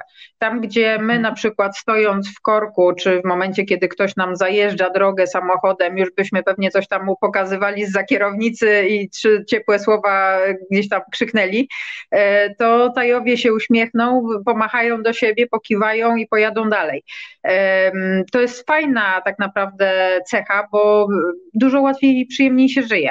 E, oni naprawdę tam, gdzie u nas zaczynają się nerwy, gdzie my e, coś powiemy, a dopiero później się zastanowimy, kurczę, może zbyt poważnie, zbyt ostro powiedziałam, może nie musiałam, tam oni przemilczą, uśmiechną się, kiwną głową i odejdą. To jest oczywiście też kwestia tajskiej utraty twarzy i, i to, to jest jakby dodatkowa kwestia, o której warto wiedzieć i, i warto brać pod uwagę różne nasze jakieś zachowania, które dla nas są oczywiste, a dla Tajów niekoniecznie. To znaczy nie mówimy Tajom prosto w oczy, że coś nam się nie podoba, albo nie składamy całej długiej e, listy skarg i zażaleń przy recepcji, że nie wiem, toaleta jest przytkana, że e, klimatyzacja nie działa, że nie ma papieru toaletowego w toalecie i jeszcze czegoś, i jeszcze czegoś, bo um, oni w tym momencie po prostu um, robią poker face, um, kiwną głową, ale to spowoduje, że y, my wywołamy w nich ogromny dyskomfort i, i takie poczucie właśnie utraty twarzy, poczucie takiego zażenowania, tak jak my byśmy personalnie po prostu wytykali im ich jakieś błędy czy nieumiejętności, e, że, że osoba, która pracuje na przykład na tak wysokim stanowisku, nie jest w stanie dopilnować tego, żeby w naszym pokoju to czy to było zapewnione, prawda? A wiadomo, że wszyscy jesteśmy tylko ludźmi i czasami się może zdarzyć, że, że coś tam się, nie wiem, nie, nie tak e, ktoś sprzątnie, nie, nie przyniesie czegoś, zapomni o ręczniku. Słucham? Poza tym rzeczy się psują w pokojach hotelowych. Poza no, tym rzeczy się psują, oczywiście, że tak. Więc y, po prostu moja taka dobra rada na kontakt z tajami to przede wszystkim uśmiech, mm, później y, mm, jakby dozowanie czy porcjowanie y, informacji czy, czy problemów, zwłaszcza problemów, małymi porcjami po problemie, a nie po, po całej liście, bo to nie doprowadzi do niczego dobrego. E, bardzo myślę, fajną rzeczą byłoby, i to topi absolutnie wszystkie serca, właśnie nauczyć się mówić dzień dobry lub e, dziękuję, albo najlepiej dzień dobry i dziękuję po, po tajsku. Andruś, naucz, jak się mówi dzień dobry i dziękuję. Jeśli chodzi o y, formę, tutaj y, forma męska, forma żeńska ma znaczenie. My, panie, jeśli chodzi o dzień dobry, mówimy sawajdika, natomiast panowie mówią sawajdikap albo sawaidi. To jest taka troszeczkę bardziej oficjalna y, wersja. Natomiast jeśli chodzi o dziękuję, my, panie, mówimy kopunka, natomiast panowie mówią kopun kap albo kopun krab. Jeśli chodzi o akcenty, ja pewnie nie mówię z takim akcentem, jak mówią Tajowie, więc jeżeli, nie, nie podejrzewam znajomych Tajów, żeby nas dzisiaj słuchali, ale myślę, że, że mieliby ze mnie niezły ubaw, bo zawsze mają bo ja niestety nie mam ucha chyba do, do ich akcentów. Natomiast y, myślę, że, że nawet bez akcentów oni doskonale zrozumieją, co, co my do nich mówimy i to naprawdę stopi wszelkie lody, bariery i nawet jeżeli się okaże, że ktoś nie mówi po angielsku, a usłyszy to magiczne Sawaidika, to naprawdę mamy wszystkie drzwi otwarte. Także, y, a do tego mowa Warto... ciała warto się do tego tak przygotować. Ja jeszcze mam jedną radę od siebie z kolei, taką z moich e, doświadczeń tajskich. Nie używajcie bardzo skomplikowanych konstrukcji w języku angielskim, szczególnie e, z brytyjskim akcentem, bo oni owszem będą kiwać głową i się uśmiechać, to tak właśnie dlatego, jak sam nie tracić twarzy, ale oni nie, nie, nie, nie, nie ma opcji, żeby oni cokolwiek zrozumieli. Więc słuchajcie, e, najlepsze konstrukcje, które pamiętam, to jest Me Like Blue. Absolutnie upraszczają konstrukcję języka angielskiego. Jest to przeurocze, cudowne. Oni bardzo są kontaktowi, bardzo chcą. E, natomiast ja też miałam takie wrażenie, Sandra, i rozmawiałyśmy o tym kilkakrotnie, że mogą dawać poczucie turystom takiego pewnego dystansu i takiej bariery od siebie. Powiedzmy tak chwilkę troszeczkę, bo trochę mówiłyśmy o tym, jacy są Tajowie, natomiast e, Twoim zdaniem z czego wynika to pewne zdystansowanie e, i, i um, to w ich zachowaniu, które jest widoczne e, takie w, w takim codziennym życiu? Ja się nad tym długo zastanawiałam i powiem szczerze, że ja nawet do pewnego momentu miałam jakiś taki problem z tym, że mieszkam kurczę już jakiś dłuższy czas w Tajlandii, lata mijają, a ja właściwie poza tym, że mam swoje jakieś ukochane, ulubione miejsca, gdzie tu ma pani cudowne warzywa, tu ma pani wspaniałe owoce, tu jakiś swój ulubiony sklepik, kramik i tak dalej, to właściwie nie mam tajskich przyjaciół, a nawet jeżeli mam jakichś znajomych, to my się spotykamy zawsze poza domem, nigdy nie, nie byłam zaproszona na przykład do kogoś do domu. I się zastanawiałam, z czego to wynika. Czy, czy oni właśnie nas tak bardzo dystansują, czy, czy jest ku temu jakiś inny powód. I właściwie znalazłam, jakby sama sobie odpowiedziałam na, na, te, na, na to pytanie. E, pierwsza odpowiedź, jaka mi przyszła do głowy, to przede wszystkim taka, że przecież tam jest tak bardzo rozbudowany street food i w ogóle tajski styl życia tak bardzo opiera się na tym street foodzie, że oni w zasadzie w ogóle nie mają tradycji wzajemnego goszczenia się w domach. Bo jeżeli oni się mają gdzieś spotkać, to oczywiście, że oni się spotkają na ulicy albo co najwyżej przed domem rozłożą sobie jakąś tam e, matę i, i tam e, rozłożą sobie wszystkie te smaczki, potrawki, warzywka, sosiki i tak dalej, zupki, zupeczki i tak dalej, i tak dalej. Ale oni tego w domu nie będą robić, bo Zazwyczaj to są bardzo proste domy, bardzo y, skromnie urządzone. Tam nie ma klimatyzacji, więc oczywiście, że popołudniami nawet czy wieczorami, kiedy już teoretycznie słońca nie ma, to przyjemniej się siedzi y, na zewnątrz, gdzie czasami zawieje wiaterek, gdzie, gdzie jest troszeczkę chłodniej, niż w czterech ścianach. Tak? Tajowie przy tym wszystkim w tych swoich tajskich domkach mają zazwyczaj bardzo małe okna, więc tam właściwie nie ma y, żadnego ruchu powietrza. Może czasami tam mieli jakiś taki smutny wiatrak, ale no to, to nadal nie jest to, co możemy mieć na dworze. Więc y, oczywiście, że jeżeli oni sami nie mają kultury wzajemnego się goszczenia, no to oczywiście tym bardziej nie będą zapraszać nas, tak? To, to jest pierwsza rzecz. Druga rzecz jest taka, że e, ja w końcu zostałam zaproszona do, do tego tajskiego domu. I e, ja to odczuwałam jako, czy, czy odebrałam jako ogromny zaszczyt, ogromny mm, takie mm, uznanie e, dla mnie, ponieważ e, zaproszenie wyszło od mojej masażystki, dziewczyny bardzo młodej, do, do której ja uwielbiałam chodzić na, na masaże i, i w zasadzie bywałam u niej po kilka razy Masaże to jest Kolejna... oddzielny temat. Tak, o masażach to, zrobić. Nie skończmy na ten temat, bo to jest... Dokładnie. No dobra, i zostałaś zaproszona do tego domu tajskiego. I ona, tak, i ona mówi, słuchaj Sandra, tylko ty musisz wiedzieć, że, yy, bo, bo ja zostałam zaproszona do jej rodziców do domu. Sandra, ty musisz wiedzieć, że u nas jest bardzo skromnie. Y, będziemy siedzieć na podłodze, y, moi rodzice żyją naprawdę skromnie i proszę nie wystrasz. Ja mówię, ale Am, o czym ty w ogóle mówisz? Dziewczyno, ja, dla mnie to jest taka radość i takie, takie wyróżnienie, że ja zostałam zaproszona, że nawet gdybyśmy mieli nie wiem na czym siedzieć, to, to dla mnie to naprawdę nie stanowi żadnego problemu, w sensie nie wiadomo w jakich warunkach czy okolicznościach. Ja się cieszę, że my możemy spędzić trochę czasu razem. I faktycznie e, no, to było ogromne przeżycie, zarówno dla, dla rodziców, jak i dla Am, jak i dla mnie. Natomiast to był pierwszy taki moment, kiedy ja zrozumiałam, że e, to wszystko, ten, ten taki dystans prawdopodobnie i te wszystkie takie nasze odczucia, które my mamy, prawdopodobnie wynikają z kompleksów u, u tajów, które, które oni gdzieś tam mają, no bo umówmy się, oni mają telewizory, mają kontakt do, z internetem, jakby dostęp do internetu, yy, widzą jak wygląda świat zachodni i wiedzą, że ten świat zachodni nasz się bardzo różni od ich świata, prawda? Więc oni po prostu zwyczajnie się wstydzą. Natomiast y, wystarczy okazać odrobinę, ja wiem, serca z naszej strony, czy, czy takiego, takiej sympatii, otwartości i naprawdę jak się już wejdzie w tajską rodzinę, to się wchodzi w tajską rodzinę. Naprawdę ja od razu zostałam e, siostrą Am, mamą, e, nie mamą, tylko e, córką tych, tych rodziców i już za każdym razem jak, jak przychodziłam, bo, bo później jeszcze wielokrotnie się pojawiałam, to za każdym razem było, nasza córka przyszła. Także, ale to wymagało naprawdę cierpliwości i, i takiej przyjęcia do wiadomości, że to nie jest tak obsiub, że, że na to sobie trzeba, nie wiem, czy zapracować, czy zasłużyć, czy wyczekać, ale to, to trwa, to jest proces, ale jeżeli się już do niego dojdzie, to to jest na lata. Piękne.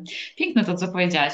Ale ja nie chciałam Ci przerywać, natomiast poruszyłaś wątek związany z jedzeniem. No bo tak, wyjeżdżamy gdzieś, no to owszem, widoki. Widzieliśmy już przeurocze krajobrazy, których możemy się spodziewać w Tajlandii. No ale Tajlandia dla wielu osób to smaki, zapachy.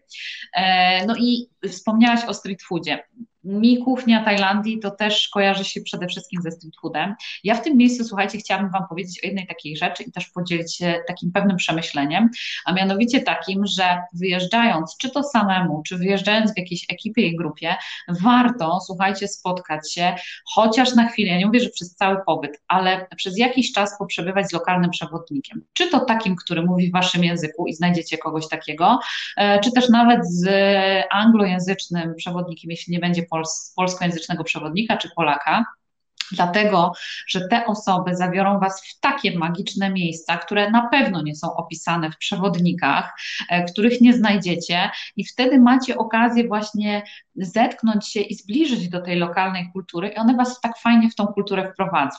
E, więc to tak w ramach pewnego wstępu, i wiem, że Sandra myśli podobnie w tym zakresie, bo rozmawiałyśmy o tym. Natomiast wracając do tego street foodu e, jadę i, i, co, tak na ulicy zjem, a nic mi się nie stanie? Jak to w ogóle jest z tym jedzeniem w tej Tajlandii? Tajowie są super higienicznym narodem. Naprawdę higiena przygotowywania posiłków jest na bardzo wysokim poziomie i um, oni sami są naprawdę bardzo czyści, do tego stopnia, że przeciętny taj potrafi brać po kilka, a nawet kilkanaście pryszniców w ciągu dnia. E, więc mimo tego, że oni się nie pocą, co, co należy podkreślić. E, więc naprawdę, jeśli chodzi o jedzenie, to e, ja zawsze wyznawałam zasadę taką, że po pierwsze, im dziwniej wyglądające miejsce, to znaczy dziwniej, to znaczy łączące garaż, knajpę, dom, salon, łazienkę i kawałek sklepiku, to, to, to, to jest właśnie to miejsce, gdzie będzie dobrze smakowało, gdzie, gdzie faktycznie rodzina zazwyczaj e, dobrze ugotuje. A e, druga rzecz jest taka, żeby po prostu zwracać uwagę na to, gdzie lokalni Tajowie się zatrzymują i, i gdzie y, siadają do jedzenia. Bo tam, gdzie oni, tam wiadomo, że, że też jest i bezpiecznie, i, i smacznie. Oczywiście najlepszą. Podobnie jak w Polsce. Jedziesz gdzieś, jak widzisz przed knajpą dużo samochodów, to znaczy, a szczególnie tirów i różnych innych, to znaczy, że no to, to jest tutaj, miejsce, tutaj to, to w Tajlandii skuterów. Jeżeli widzimy dużo skuterów, no to znaczy, że to jest właśnie to miejsce, gdzie, gdzie należy się zatrzymać. Oczywiście trzeba wziąć pod uwagę też różne markety. Tajowie w ogóle kochają markety i, i oni w zasadzie mają co chwilę jakąś okazję do tego, żeby rozłożyć jakieś swoje stoiska i, i oprócz tego, że gotują w jakichś garkuchniach, no to gotują też po prostu faktycznie na ulicy. E, są różne markety weekendowe, są e, markety organizowane przy okazji różnych festiwali i to jest okazja do tego, żeby naprawdę pojeść cudów świata po prostu. E, no dobra, ale co oni jedzą? Co jest podstawą kuchni tajskiej tak naprawdę. Mówimy sobie o street foodzie, no ale dobra. Ryż jaśminowy. Bez ryżu nie ma posiłku. Jeżeli do, do ryżu nie jest, jeżeli do posiłku, przepraszam, nie jest dodany ryż, to znaczy, że to nie jest jedzenie. My nawet próbowaliśmy robić jakieś takie podchody i częstować tajów polskim jedzeniem. No to e, można się oczywiście domyśleć, że gołąbki najbardziej smakowały tajom, no bo w gołąbkach jest ryż, tak? A w całej reszcie ryżu nie ma, no więc tak, no dobra, dobra, ale z ryżem smakuje lepiej. Więc ryż jaśminowy to w ogóle podstawa.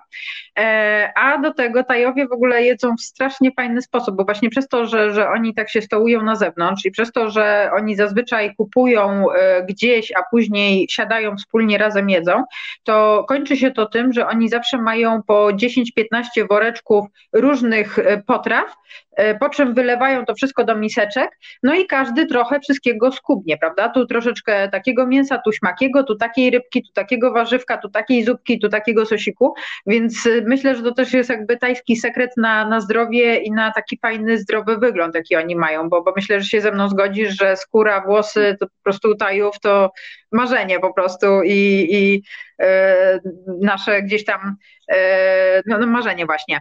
E, więc e, jeśli chodzi o jedzenie, to Wprawdzie nie jestem po Tajlandii, natomiast przyznam Wam się szczerze, że jest takie jedno magiczne miejsce, które się nazywa Salamandra w Poznaniu. Ja też dzięki temu tak ładnie dzisiaj wyglądam, ale kocham Tajlandię pod względem właśnie, powiedziałaś, tak tylko delikatnie o tych masażach, natomiast to jest jedna z tych rzeczy, za które absolutnie kocham i uwielbiam Tajlandię, bo ona jest pod różnymi względami. Wszyscy natomiast kochamy. Wszyscy ją kochamy i wszyscy za tym tęsknimy. Natomiast mm, ty o tym jedzeniu wiesz trochę więcej i postanowiłaś się tą wiedzą podzielić. Ja słuchajcie, wam chcę coś takiego pokazać. Mm, tak zaglądam, czy widzicie. E, to jest e-book, który napisała Sandra, no bo cóż, zaczęła się pandemia, cóż tu robić? No przecież nie będzie tak e, siedzieć i się zastanawiać, więc postanowiła się podzielić. Więc kochani, wklejam Wam linka. Jeśli chcecie się dowiedzieć o różnych ciekawych mieszankach przypraw, które nadadzą smak waszemu życiu, bo tak jest napisane na wstępie do tego e-booka. E, Sandruś, co to za e-book, co to za pomysł w ogóle, bo ty masz, zebrałaś swoją przeogromną wiedzę podróżniczą e, i postanowiłaś napisać właśnie, o czym do nas napisałaś i czego możemy się dowiedzieć z tego e-booka, a ja Was zachęcam do tego, ja już go mam, jak widzicie e, i, i moje życie nabrało kolorów, co widać też po mnie. Ten e-book to jest właściwie wypadkowa i, i efekt zebrania różnych doświadczeń, bo, bo ja się zastanawiałam, miałam dużą potrzebę napisania czegoś, natomiast miałam też e, takie pytanie e, o to, w jakiej to miałoby być formie, żeby to było coś więcej niż po prostu gdzieś tam historia o tym, jak ja sobie przejechałam autostopem tu czy tam, bo takich książek już trochę jest i, i oczywiście pewnie fajnie by było, gdyby się pojawiła kolejna, no bo podejrzewam, że nie powtórzyłam podróży czyjejś, tylko odbyłam jakąś tam swoją, ale pomyślałam, że fajnie by było coś do tego więcej dodać, więc ten e-book to jest właściwie taka książka, wydaje mi się, podróż przez moje doświadczenia. Przez moje doświadczenia podróżnicze, przez moje doświadczenia kulinarne, przez moje doświadczenia spotkań z ludźmi e, w danych krajach. Ja się skupiłam na kilku konkretnych krajach, na e, Chinach, na Tajlandii i na Indiach. E, i opisuję przez pryzmat swoich podróży to, w jaki sposób ja odkrywałam dla siebie nowe smaki, jak poznałam nowe przyprawy i co właściwie one wniosły do mojego życia. E, bo my bardzo często traktujemy przyprawy trochę po macoszemu, na zasadzie, no jak są to są, a jak nie ma, no to sól i pieprz też jest ok. A właściwie to trochę szkoda, bo naprawdę, zwłaszcza Azja to jest takie bogactwo, oczywiście nie tylko Azja, ale no skupiamy się dzisiaj na, na Azji, to jest takie bogactwo e, przypraw i smaków i, i możliwości po prostu. I to jest też wielka cecha, fantastyczna cecha u, u Tajów, że Tajom jakby dać kilka produktów, na zasadzie 3 czy 4 produkty, to oni z tego wy, wyczarują nawet kilkanaście dań, a każde będzie wyglądało i smakowało zupełnie inaczej. Dlaczego? Właśnie trochę za, trochę za, za sprawą przypraw i za sprawą świeżych ziół. Oni kochają świeże zioła i, i faktycznie gdzie mogą, to, to po prostu wszędzie te, te, te świeże zioła, czy świeży pieprz na przykład, czy, czy czosnek y, tajski wszędzie dorzucą. No więc ja sobie pomyślałam, kurczę, Miałam fajne y, rozmowy, fajne spotkania w Chinach, miałam fantastyczne przygody w Indiach, y, y, miałam fantastyczną przewodniczkę po takim typowym indyjskim ogrodzie i, i miałam szansę posmakować, popróbować po prostu wszystkiego tak prosto z, z drzewa, prosto z krzaczka, prosto z kory, gdzieś tam wyskrobać kawałek cynamonu na przykład, czy, czy spróbować świeżego pieprzu. Więc czemu by się tym nie podzielić? Czemu, czemu by nie, nie pokazać, że oprócz tego, że to jest jest y, fajny sposób na poznawanie świata, jakby nie patrzeć, to przy okazji możemy zaczarować trochę swoją kuchnię. No i swoje zdrowie. Cudowne, kolorowe, piękne wydanie, więc e, ja Was bardzo, bardzo serdecznie do tego zachęcam, bo tak jak zresztą wiecie i znacie moją filozofię, poznawanie danego miejsca to owszem, krajobraz, to natura, ale to też kultura, a więc ludzie. Troszeczkę wspomnieliśmy o tajach. E, to kuchnia, właśnie smaki i zapachy. Ja jak zamykam oczy i myślę sobie o jakimś miejscu, które znam, to bardzo często kojarzę go z pewnymi konkretnymi zapachami, smakami, ale też oczywiście widokami i nastawieniem ludzi, tak? E, podejściem e, do, do, do życia, do nas. I właśnie wspomniałaś o tym, że przyprawy, kuchnia zmieniły Ciebie w jakiś sposób sposób w kontekście podróżowania, e, ale i też rozmawiając o nurkowaniu rozmawiałyśmy o oddechu i o tym, e, co wnosi do Twojego życia, i ja też mogę się mm, przyłączyć do tego. Yoga i praktyka oddechu. E, to jest w ogóle coś, co wpadłyśmy na pomysł, że musimy koniecznie wdrożyć w życie. Słuchajcie, nasi kochani nurkowie, e, to nie do końca jest tak, że jak ktoś ma wielkie płuca, to po prostu zżera butle od razu. To nie to to nie to. Są pewne techniki, które można poćwiczyć i, i mam nadzieję, że będziecie mieli okazję e, z nami na ten temat trochę porozmawiać przy okazji którejś wyprawy. Czy to spotkacie Sandrę w Tajlandii, czy spotkamy się w jakimkolwiek innym miejscu na świecie, czy to Egipt, o którym Wam wspomniałam, czy być może Chorwacja, czy być może jeszcze jakiekolwiek inne miejsce na świecie, e, warto, warto sięgać e, trochę w głąb siebie, bo później jak się pojawiają jakieś sytuacje, czy to prądy, czy to zwierzęta, których się nie spodziewaliśmy, e, czy to pewne reakcje, to tak jak trochę e, z taką szkołą bezpiecznej jazdy, jak przetestujecie swój samochód na torze i zobaczycie, jak działają pewne systemy, to w momencie, kiedy się wydarzy jakaś trudna sytuacja, to wy będziecie już wiedzieć, jak zareagować. I trochę tak jest E, z tym nurkowaniem. Ja bym chciała jeszcze na chwilę do tego wrócić. Jestem ciekawa, dlaczego ty nurkujesz i jakie miejsca do nurkowania polecasz w Tajlandii, jeśli możemy tak na chwilkę. Pewnie. Jeśli chodzi o nurkowanie, dlaczego ja nurkuję? E, ja zaczęłam nurkować e, oczywiście dla widoków, bo zachwyciłam się tym wszystkim, co, co pod wodą i nawet e, przyszła mi taka refleksja bardzo szybko, że jest chyba dla tego świata naszego jeszcze jakaś nadzieja, bo ja miałam takie poczucie przez długie lata, że nam ludziom wydaje się, że my już położyliśmy nasze łapy nad absolutnie wszystkim i nad wszystkim mamy kontrolę i, i jakby ciągniemy za wszystkie możliwe sznurki. Natomiast okazuje się, że świat podwodny jest tak kosmicznie alternatywnym światem, że człowiek zanurza się pod wodę i ma wrażenie, nie wiem czy się ze mną zgodzisz, że ląduje po prostu na innej planecie. E, planecie, w której, na, na której na szczęście my cały czas jesteśmy gośćmi i e, na której mamy dosyć ograniczoną możliwość pobytu, tak? No bo e, ogranicza nas ilość powietrza w butli, umówmy się. Więc, więc to, to był Ale pierwszy właśnie z tą świadomością tej butli i tego powietrza ci z nas, którzy tak mocno to kochają, to rozwijają pewne umiejętności, które pozwalają im pod wodą zostać chwilę dłużej. Dokładnie tak. I bardzo serdecznie zachęcam zresztą do, do tego, żeby faktycznie e, wdrożyć się w, nie tylko w techniki oddechowe, ale żeby też um, pokłonić czy, czy pochylić się e, nad medytacją. Mnie osobiście medytacja bardzo mocno pomogła. Ja spędziłam dwa tygodnie w buddyjskim klasztorze w Chiang Mai na północy Tajlandii, gdzie uczyłam się tych technik medytacyjnych i na początku wydawało mi się, że, że to właściwie w, żaden sposób na mnie nie wpływa, natomiast bardzo szybko się okazało, jak zaczęłam znowu nurkować, że właściwie to butlami starcza jedna na trzy nurkowania. Oczywiście nie, nie stosowałam e, takich e, trików, natomiast e, gdybym się uparła, to byłabym w stanie trzy nurkowania takie około 50-minutowe zrobić na jednej butli, co jest raczej rzadkim, hmm. myślę, tak, tak. E, więc e, później kolejny powód, dla którego nurko, zaczęłam, nurko, czy zaczęłam, dla, dla którego e, widziałam fajny sens i, i jakby fan w nurkowaniu, e, to było dokładnie to, o czym ty powiedziałaś na samym początku naszej rozmowy, to znaczy, że nie ma telefonu, nie ma maila, nie ma, nie wiem, ludzi dookoła i tak dalej, i tak dalej. Ja tego bardzo silnie doświadczyłam w Indiach.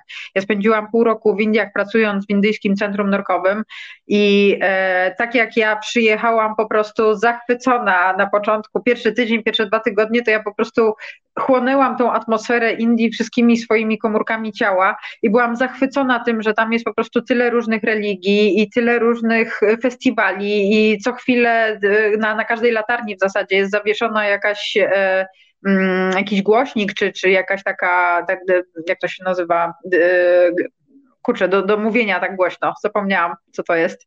Megafon? Mm, megafon? Taki megafon, megafon, dokładnie. Jakieś takie megafony porozwieszane I, i te wszystkie takie charakterystyczne indyjskie melodyjki, śpiewy i tak nawoływania gdzieś tam z meczetu. No ja byłam po prostu tym oczarowana, po czym po dwóch tygodniach ja stwierdziłam, że mi już po prostu głowa puchnie od tego wszystkiego i właściwie nie ma miejsca, gdzie ja bym mogła uciec, bo naprawdę wszędzie są ludzie, wszędzie są skutery, wszędzie są klaksony, wszędzie są y, jakieś tam tuktuki, samochody, krzyczący ludzie, właśnie te, te muzyczki z tych różnych festiwali i tak dalej, i tak dalej. I nagle się okazało, że moment, kiedy ja wchodzę pod wodę, to jest jedyny moment, kiedy ja mam absolutną ciszę, gdzie ja słyszę właściwie tylko i wyłącznie własny oddech. I jak się dobrze wsłucham, to bicie własnego serca. No więc y, od momentu życia w Indiach wiem, że nurkowanie to również po prostu błogosławiony święty spokój, chociaż na krótką no. chwilę. Ale powiedziałaś też o bardzo fajnym wątku. Zresztą zaczęłyśmy od tego, że zwykle nasza przygoda zaczyna się w Bangkoku. I a propos tego świętego spokoju, tego kontaktu z naturą, który jest taki niesamowity, to moim takim magicznym doświadczeniem, e, które zafundowałam sobie już kilkakrotnie i zabierałam tam moich turystów, to jest doświadczenie spania e, w takim pływającym hotelu na rzece Kwai. Oczywiście on jest na pontonach przyczepiony do brzegu, ale pływający w tym sensie, że dopływamy do niego łódką, tam się nie da dojść jak gdyby w żaden sposób, tylko dopływa się łódką. W hotelu nie ma elektryczności, nie ma ciepłej wody, nie fundujemy sobie tego na dłużej niż dzień, no maksymalnie dwa noclegi. Ja lubię to zrobić na, jeden, na jedną noc. I e, na początku tak, jak ja sobie z tym poradzę i w ogóle z takim małym bagażem, zwykle podręcznym, właśnie dostajemy się do tego hotelu, jemy kolację przy świecach, a rano, słuchajcie, budzą nas słonie, które przychodzą się tam kąpać i umyć i one nas budzą właśnie na śniadanie. Można sobie popływać tą rzeką Kwaj i ten kontakt właśnie, właśnie wtedy, że jest cicho, e, że możemy sobie przespacerować się z tego hotelu właśnie do dżungli i zobaczyć, jak żyją e, właśnie te plemiona na, na północy Tajlandii, to jest, to jest coś takiego niesamowitego. I to jest taki duży szok po tym Bangkoku, który, tak jak powiedziałaś, jest głośny, e, jest taki, no zresztą widzieliście na zdjęciach, wieżowce, ale i nie tylko, oczywiście tradycyjne, przepiękne świątynie, czy to leżącego Buddy, czy Pałac Królewski, bo Tajlandia, mm -hmm. słuchajcie, jest królestwem, nie wspomniałyśmy o tym ale w dużej większości jest też buddyjska. Natomiast to, co też ciekawe, e, wy często pytacie o to, no dobra, mówisz, że Tajlandia jest buddyjska, a te południe to takie kurcze, jakieś też trochę arabskie. Sandra, miałaś takie pytania? E, to znaczy, miałam pytania o to, dlaczego e, właśnie Krabi czy na przykład wyspy Pipi są e, muzułmańskie. No i to jest bardzo mocno powiązane z faktem graniczenia Tajlandii z Malezją na południu. Więc tutaj te, te wpływy faktycznie muzułmańskie są bardzo silne. Natomiast jakby się tak przypatrzeć temu tej, tej ścieżce muzułmańskiej w Tajlandii, a w Malezji, to one się jednak troszkę różnią.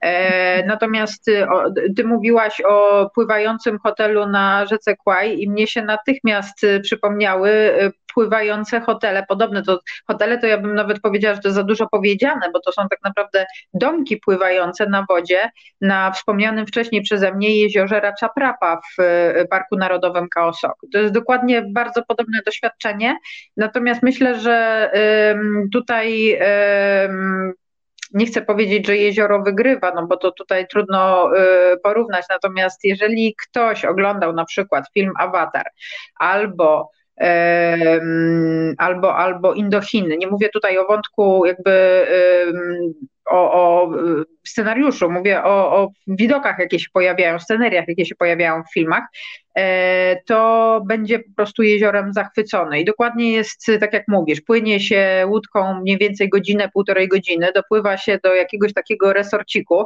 E, resorcik wygląda tak, że to są po prostu takie wielkie beczki jakby e, pływające na, na wodzie, na których zbudowane są domki. No i efekt jest taki, że e, przez to, że to są na tyle małe domki, że tam wchodzą dwie, trzy osoby do takiego domeczku, no to właściwie to jest cały czas takie lekkie bujanko, więc nie wiem, jak, jakie były Twoje doświadczenia e, na rzece Kłaj, no, natomiast e, mój pierwszy, absolutnie pierwszy nocleg na, na właśnie w domkach na wodzie, tam na, na Racza Prapa, to ja pamiętam, że ja byłam lekko chora, bo, bo mnie cały czas bujało, kołysało, natomiast no. te widoki były takie, że ja wychodziłam i ja miałam po prostu łzy w oczach, bo ja mówię, Boże, to jest niesamowite, że nasz świat jest tak piękny. Te skały właśnie wyrastające z, z tej wody, te, ten turku z tej wody. A przecież jezioro Ratchaprapa jest sztucznie utworzone. To nie jest jezioro, które samo powstało. To jest jezioro, któremu no, ludzie, a dokładnie król pomógł y, powstać.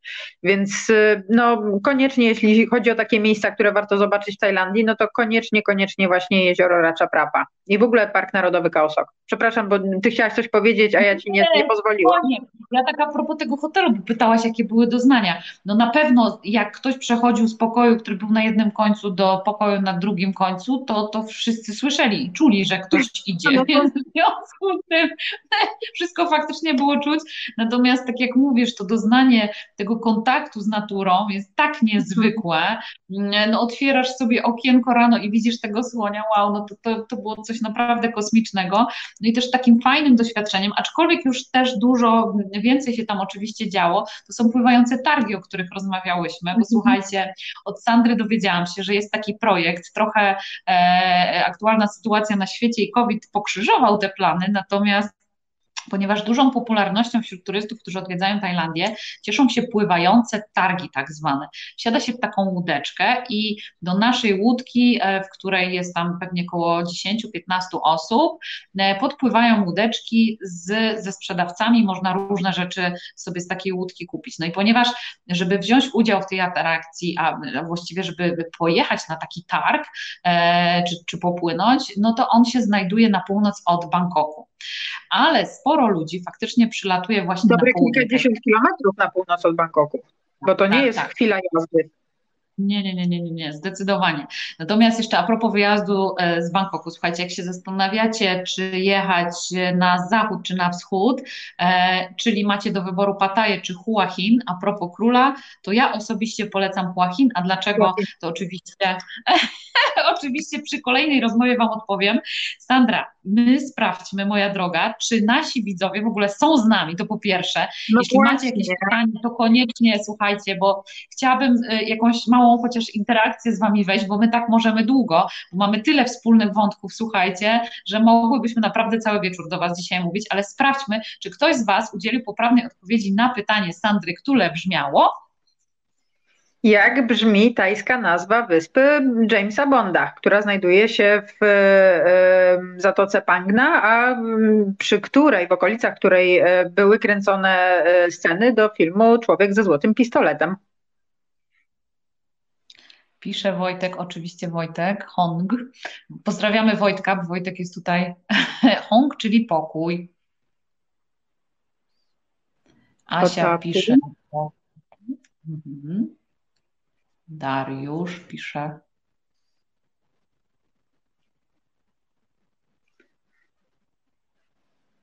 No, moja droga, e, Michał pisze też, proszę, tata, odpowiedź najczęściej widzisz tutaj pada. No więc opowiadaj, jak ona się w takim razie po tajsku? Nazywa. Mogę powiedzieć już? Tak, Ona, tak. się- ona się nazywa, ta, ta konkretna wyspa nazywa się, e, e, czy właściwie sama skała nazywa się faktycznie e, Kotapu, natomiast wyspa, do której się dopływa i z której fotografuje się tego ostańca, którego widzieliśmy na, na zdjęciach, nazywa się Kaopinkan. Więc ja właściwie można powiedzieć, pytałam o ostańca, więc Kotapu jest jak najbardziej poprawną odpowiedzią. No to dobrze. Tylko to teraz kto był pierwszy? pierwszy. Asia No właśnie. była pierwsza. Asia, Asia gratulujemy No bardzo serdecznie. gratulacje. Prosimy o to, żebyś się z nami skontaktowała. Słuchajcie, czy wy macie jakieś pytania do mojego gościa? Bo jak widzicie, wiedzę ma przeogromną i to w bardzo różnych aspektach. Zresztą polecam wam bardzo serdecznie blog, który prowadzi Sandra, e, z którego możecie się różnych ciekawych, podróżniczych e, rzeczy dowiedzieć i być w kontakcie z Sandrą, która e, nie sądzę, żeby przestała podróżować. Słuchaj, jak to jest z tobą i z tymi podróżami? No, Ruszasz to, to, dalej świat? jeżeli się tylko raz połknie tego bakcyla, to myślę, że, że to jest coś bezpowrotnie. Myślę, że się zgodzisz ze mną. Więc y, nie ma opcji w ogóle, żebym nie, nie podróżowała. Na razie robię sobie y, oddech i, i próbuję y, szlifować drugi język, żeby komunikacja była jeszcze lepsza w przyszłości. Natomiast oczywiście nie wyobrażam sobie życia bez podróży, więc no, czekam z utęsknieniem, kiedy Azja się otworzy na tyle, żebyśmy wszyscy mogli się swobodnie przemieszczać, bo teraz teoretycznie przyjazd do Tajlandii jest możliwy, natomiast myślę, że on jest na tyle skomplikowany, że on po prostu te, te wszystkie formalności i wymagania zniechęcają, bo y, oprócz tego, że na początku trzeba złożyć, y, właściwie wy- wypełnić formularz na, na stronie internetowej, przeczekać y, trzy dni robocze, aż on zostanie pozytywnie rozpatrzony, no to później trzeba zgłosić się do ambasady po wizę. I to już nie jest wiza taka jak była kiedyś, albo ki- kiedyś tak było, że była 11-dniowa wjazdowa, albo 30-dniowa taka właśnie w formie wklejki do, do paszportu. Teraz y, jest to wiza y, na dłuższy okres czasu, to znaczy, że jeżeli przyjeżdżamy, to musimy spędzić przynajmniej kilka miesięcy w Tajlandii, a nasz m, przyjazd musi być pewnie jakoś tam związany z podróżami biznesowymi. Trzeba znaleźć odpowiedni hotel, który ma taką możliwość, żeby nie tylko nas przechować, że tak brzydko powiem, y, ale y, umożliwić nam y, odbycie kwarantanny, ponieważ po przylocie jest wymagana kwarantanna. Później należy, jak, jak już się dokona odpowiedniej rezerwacji i opłaci się hotel, należy zabukować bilet i ten bilet sobie opłacić. E, Później należy znaleźć sobie miejsce, w którym się będzie mieszkało docelowo po tym okresie kwarantanny, to już tutaj jest pełna dowolność, czy to będzie hotel, czy to będzie jakiś apartament, czy, czy domek, czy bungalow, cokolwiek. Natomiast to też musi być na dłuższy czas. Jakieś takie wyjazdy, tak jak zwykliśmy podróżować kiedyś, na, tu na trzy dni, tam na pięć, tu na tydzień, tu na dwa dni. Niestety przez jakiś, myślę, dłuższy czas nie będzie możliwe, tak, więc y, musimy mieć taki kontrakt. Musimy mieć również um, wykupione ubezpieczenie i to też to ubezpieczenie musi być na bardzo konkretnych warunkach, więc trzeba y, sprawdzić, czy ubezpieczalnia, w której my byśmy się chcieli ubezpieczyć, spełnia wymogi tajskie, bo to nie jest takie oczywiste. Dopiero jak się ma komplet tych wszystkich dokumentów, to można faktycznie y, starać się o tą wizę, o której wspominałam, długoterminową, y, turystyczną i dopiero wtedy można faktycznie do Tajlandii przyjechać. No więc y, i wymagany jest oczywiście test. Więc Teoretycznie można, natomiast pytanie, czy mamy aż na tyle czasu, żeby sobie w tym momencie wyjeżdżać na, na wakacje, tak? Bo, bo zazwyczaj to jeździliśmy, e, ludzie właściwie przyjeżdżali do nas, goście na, na 14, powiedzmy 21 dni, no ale jeżeli mamy 14 dni przesiedzieć na kwarantannie, no to w zasadzie nic nam nie zostaje do, do zwiedzania. No ale miejmy nadzieję, że to się szybko, szybko zmieni, bo, bo nie chciałabym tutaj przedstawiać sytuacji w jakichś czarnych barwach. Ta sytuacja się tak dynamicznie zmienia na całym świecie, że liczę na to, że i w Azji ona za chwilę się troszeczkę e, zmieni. Ale też e, trzeba wziąć pod uwagę to, że właśnie dzięki temu myślę, że, że ta Azja jest taka restrykcyjna i tak e, mocno hermetyczna w tym momencie, to, to jednak sytuacja covidowa jest tak dobra. A właściwie no, e, brak wirusa jest tak mocno widoczny w stosunku do tego, co się dzieje u nas w Europie. Jednak tam od samego początku był bardzo duży nacisk kładziony na e, bezpieczeństwo, na zapobieganie, a nie na e, leczenie, jeżeli się już coś pojawi. E, także jakby sposoby zabezpieczania mi aż przyprawiały po prostu o stawanie włosów dęba na głowie, bo nie wyobrażałam sobie, że jest możliwe w ogóle postawienie kogoś na przykład przy wjeździe na parking w centrum handlowym osoby, która będzie stała po prostu z takim dozownikiem i będzie nam, zanim podjedziemy do, do tego takiego automatu, który wypluwa nam e, kartę, żeby wjechać na e, parking, że ta osoba będzie nam z tego dozownika po prostu e, wstrykać kleksa żelu antybakteryjnego, żeby najpierw sobie przetrzeć rączki, później wziąć kartę, a dopiero później tymi zdezynfekowanymi dłońmi wjechać na parking i, i zrobić zakupy. Kolejna rzecz, na przykład, o której też chciałabym wspomnieć i która mnie bardzo mocno zaskoczyła na, na plus dla Azji, czy dla Tajlandii konkretnie, ale to działa w wielu krajach Azji to są e, aplikacje na telefonie. E, u nas w, Europie, z tego co mi wiadomo, jest tak, że w wielu miejscach e, jest prowadzona jakaś taka, ja wiem jak to nazwać, rejestracja ludzi, którzy przychodzą do restauracji na przykład czy do kawiarni, no ale u nas to wygląda tak, że y, dostajemy po prostu ankietę do wypełnienia, dostajemy długopis, który wcześniej dotknęło 50 innych osób, które były przed nami, no i tym długopisem po prostu siedzimy i 10 minut wypełniamy formularz, tak? Natomiast w Azji od samego początku, od pierwszego dnia, kiedy tylko zaczął się jakiś tam problem z COVID-em, y, była aplikacja na telefon i po prostu wszędzie wystawione przy wejściach kody QR, więc wystarczyło po prostu zbliżyć telefon, Y, sprawdzić sobie, jakby zczekować ten, ten kod QR, sczytać i w zasadzie byliśmy już zarejestrowani.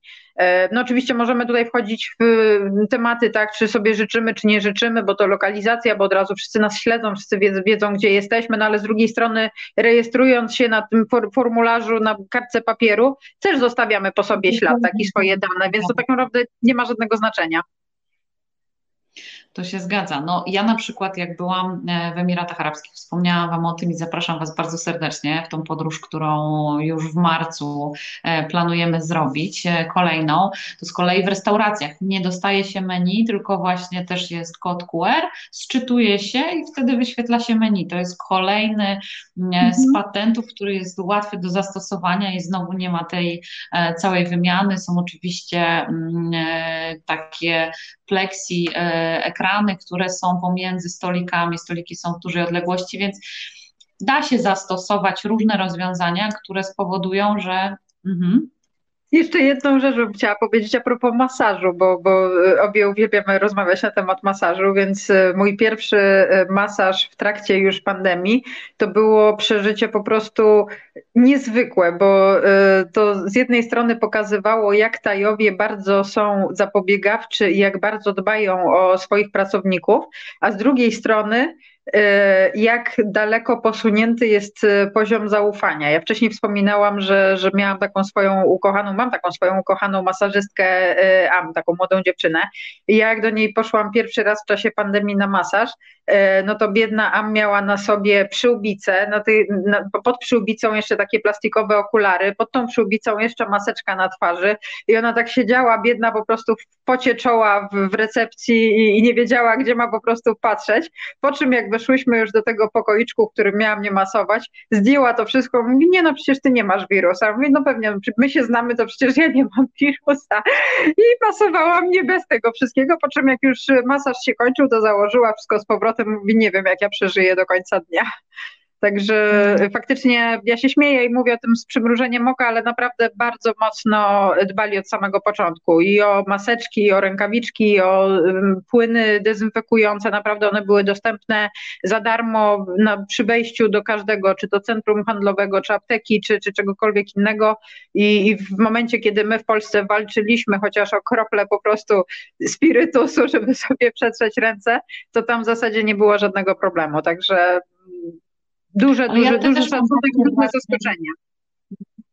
Też mam właśnie takie, takie odczucia z podróży do Emiratów. Tam też w każdym miejscu i w samolocie się dostaje, i w hotelu, na recepcji mm pełno jest tych budowników i jest to bardzo przestrzegane. Zresztą nikt w restauracji nie obsłużycie, jeśli nie masz maseczki.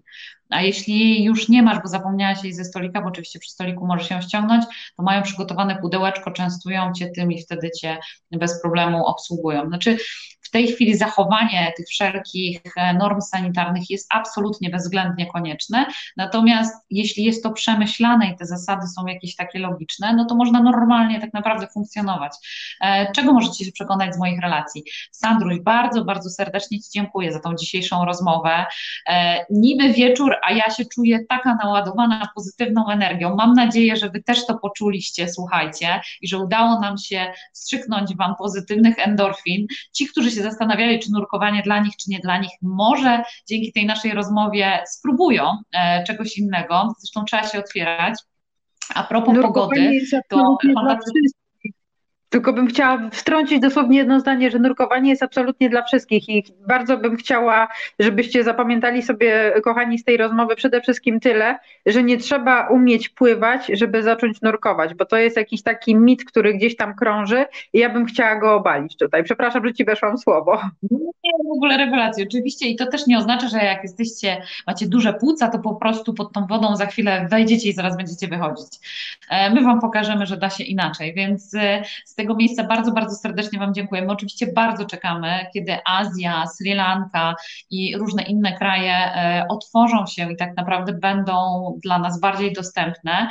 E, no ale być może jeszcze chwileczkę musimy poczekać i miejmy nadzieję, że to pokonamy i będziemy mogli wrócić do tego, co kochamy najbardziej, czyli podróżowania, które daje nam tyle niesamowitych emocji, ale póki to nie nastąpi e, w takiej formule, w jakiej, w jakiej lubimy, to słuchajcie, no trzeba patrzeć, trzeba sprawdzać przede wszystkim procedury danego kraju, do którego się jedzie.